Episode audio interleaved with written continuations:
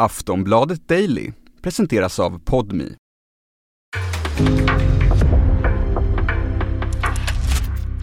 En podcast från Aftonbladet.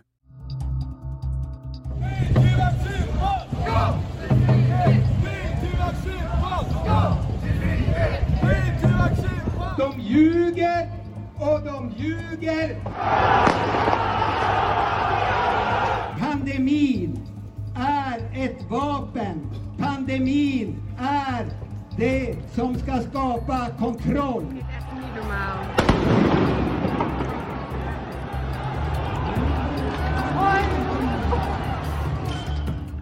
Med höstkylan har coronasmittan nu tagit ett nytt grepp om stora delar av Europa, som nu, precis som tidigare, inför olika former av karantänsregler vaccinationskrav och restriktioner. Men långt ifrån alla är överens med myndigheternas försök att stävja smittspridningen.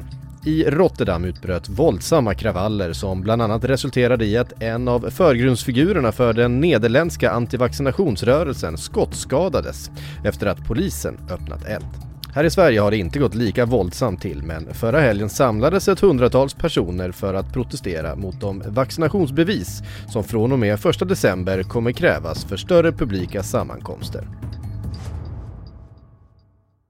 Med oss i studion har vi Aftonbladets Martin Ågård som följt de här rörelserna och som eh, tidigare år släppte en eh, dokumentär, en podcastdokumentär i tre delar eh, här på Aftonbladet eh, om konspirationsmiljön, konspirationer hette den.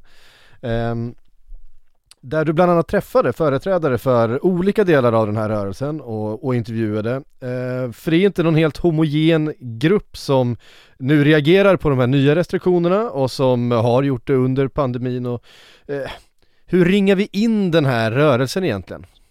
Ja, det är som du säger, det är en väldigt splittrad grupp. Den har dels sin bas i alternativmedicinen, eh, för att uttrycka det frankt, gamla hippies och eh, yogamänniskor som du vet hela tiden har haft en annan syn på, på hälsa och medicin och som tvivlar oerhört mycket på allt som har med liksom, eh, medicinsk forskning och eh, stora medicinföretag att göra. På andra sidan spektrat har du helt enkelt högerextremister som dras in i det här eh, eller som, som aktivt söker sig till sådana här proteströrelser därför att de ser det som en, en möjlighet att promota sina idéer om eh, hur staten försöker kontrollera oss och de har också en stor uppsättning konspirationsteorier om, om varför liksom coronaviruset har uppstått.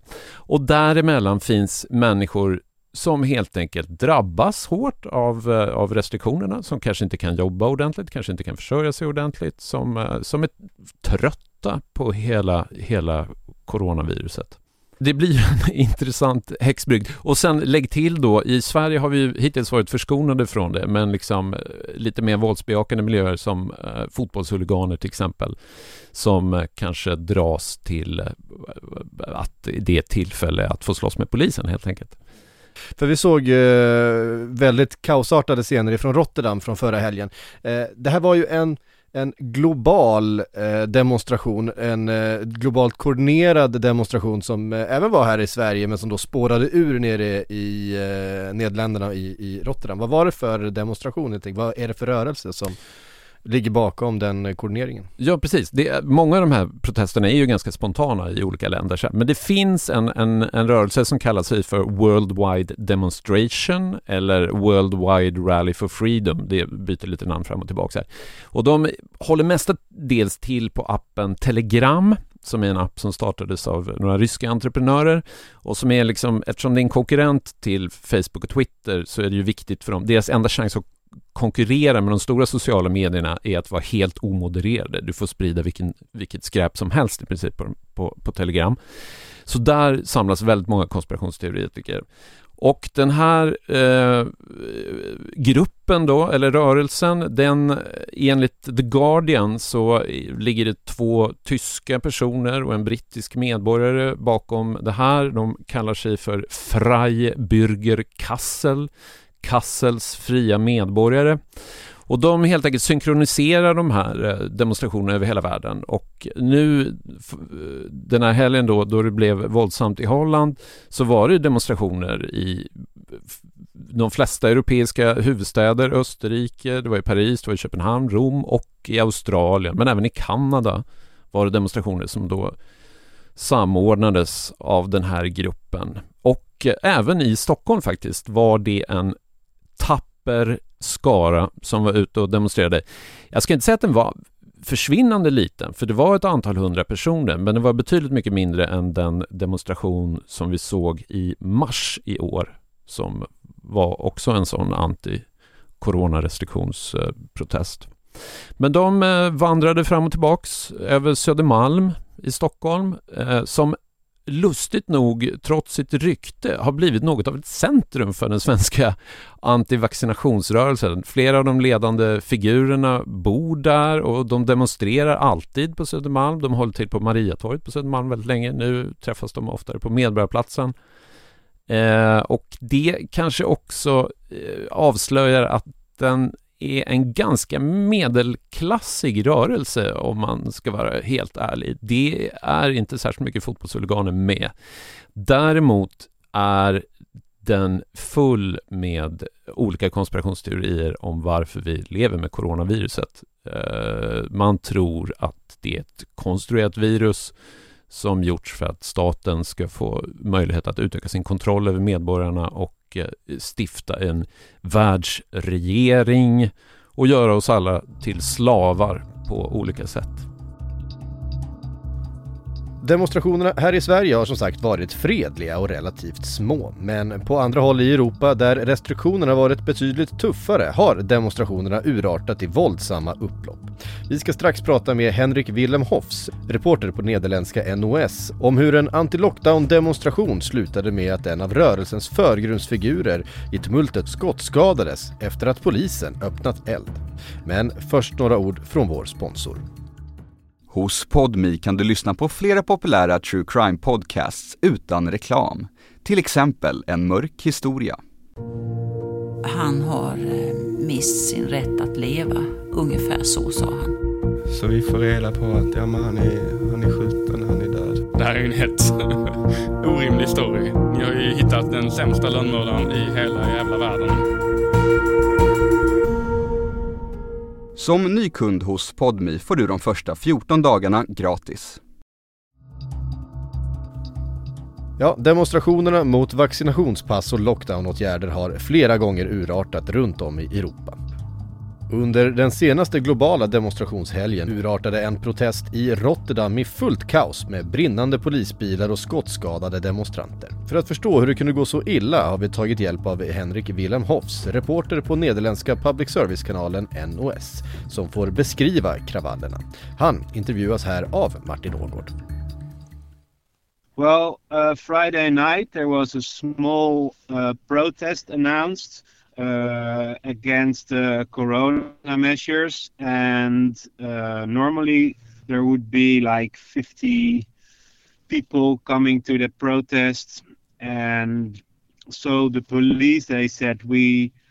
Uh, we, we are only there to uh, to survey and to well keep an eye on it and um, Friday there were a lot of groups. They were also coming to the center of the city. From eight o'clock, around eight o'clock, there were like thousand people in the center of Rotterdam, um, and there were all different kinds of groups. There were hooligans. There were like young boys from just from the city. They were curious, but there were also well, like uh, die-hard Corona protesters. And this became a quite uh, aggressive cocktail because they were firing heavy uh, fireworks, and the police they weren't prepared for this. Um, so the rioters they could do anything. They they attacked the police. Uh, the police had to back down. Uh, they were uh, uh, they set police cars on fire, and it was really aggressive. the The atmosphere was really tense. And then the police they they came with a lot of um, we call it MA mobile eenheid riot police, with the helmets and shields and stuff, and they had to restore the order in the city. But uh, the the a lot of the young guys they were really aggressive. They attacked the police, and in the in those attacks, the police had to uh, fire her their uh, their guns. And at first they fired in the air, but that wasn't enough to back to to let the crowd back down. So uh, then they fired in the crowd, and there were five guys who were wounded by by a bullet. They think they they think they think they that it is a police bullet, but could also be bullet for, from someone else, a criminal or something who was also in the crowd.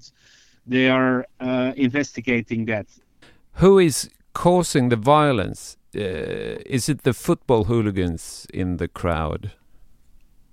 Yes, they play an important role in this. And we also have like a history of violence from these hooligans from Feyenoord, but the police said there were also hooligans from other football clubs uh, from uh, other towns in, in the Netherlands. They also came to Rotterdam, and they are always well prepared. They have like the the heavy fireworks. They have the hoodies. They cover their faces, and it's quite difficult to to to identify them on cameras. It is the uh, the protesters who are maybe with uh, more now it's um, also the hooligans. They can't go to the stadium because football has to be uh, played without uh, public in the stadiums um, this week. And also, uh, last Friday, our uh, government said there will be no fireworks in uh, New Year's Eve. And all this together uh, was like the sparkle for this fire, for this uh, riots.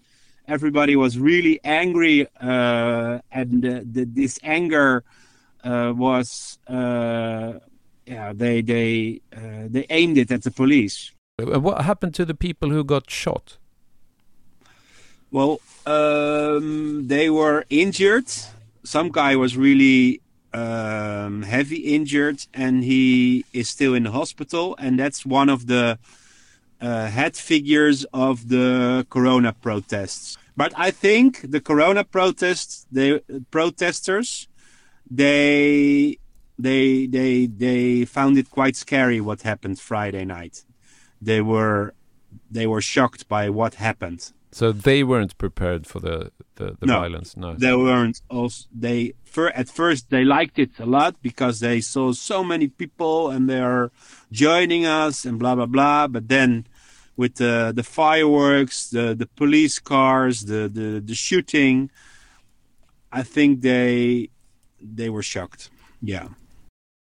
Ja, där hörde vi alltså Henrik Wilhelm Hoffs, eh, nederländsk journalist på NOS. Eh, vet vi ifall det finns några mer planerade, eh, någon mer planerad aktivism eh, här i Sverige och internationellt? Ja, alltså den svenska rörelsen har ju tappat lite momentum. Dels eh, avgick ledaren för den så kallade, eller avgick, han, han försvann ut helt enkelt, ledaren för den så kallade frihetsrörelsen som organiserade de här stora demonstrationerna i våras. Eh, och det har varit någon sorts intern maktkamp där. Men dels har ju Sverige eh, också haft en hyfsat framgångsrik strategi nu så att eh, vi, vi, vi har inte lika hårda restriktioner som de övriga europeiska länderna. Och då, det här är ju en rörelse som, som, som för, den göds ju av varenda åtgärd som sätts in. Men eh, retoriken är fortfarande väldigt uppblåst, man blåser till strid eh, och eh, det är demonstrationer planerade i slutet på januari så vitt eh, jag har sett just nu i alla fall, får se om de kommer att genomföras eller inte. Det beror väl helt enkelt lite grann på vad som, hur viruset utvecklas. De, eh, det här är två virus som lever i symbios kan man väl säga helt enkelt. Ja, i det här programmet hörde vi Henrik Wilhelm eh, nederländsk journalist. Han intervjuades av Martin Ågård, reporter här på Aftonbladet, som i sin tur intervjuades av mig, Patrik Syk. Vill man veta mer om några av de här rörelserna så lyssna på dokumentärserien Konspirationer av Martin Ågård. Den hittar ni hos podden Aftonbladet Story. Men från Aftonbladet Daily så säger vi tack för idag. Du har lyssnat på en podcast från Aftonbladet. Ansvarig utgivare är Lena K Samuelsson.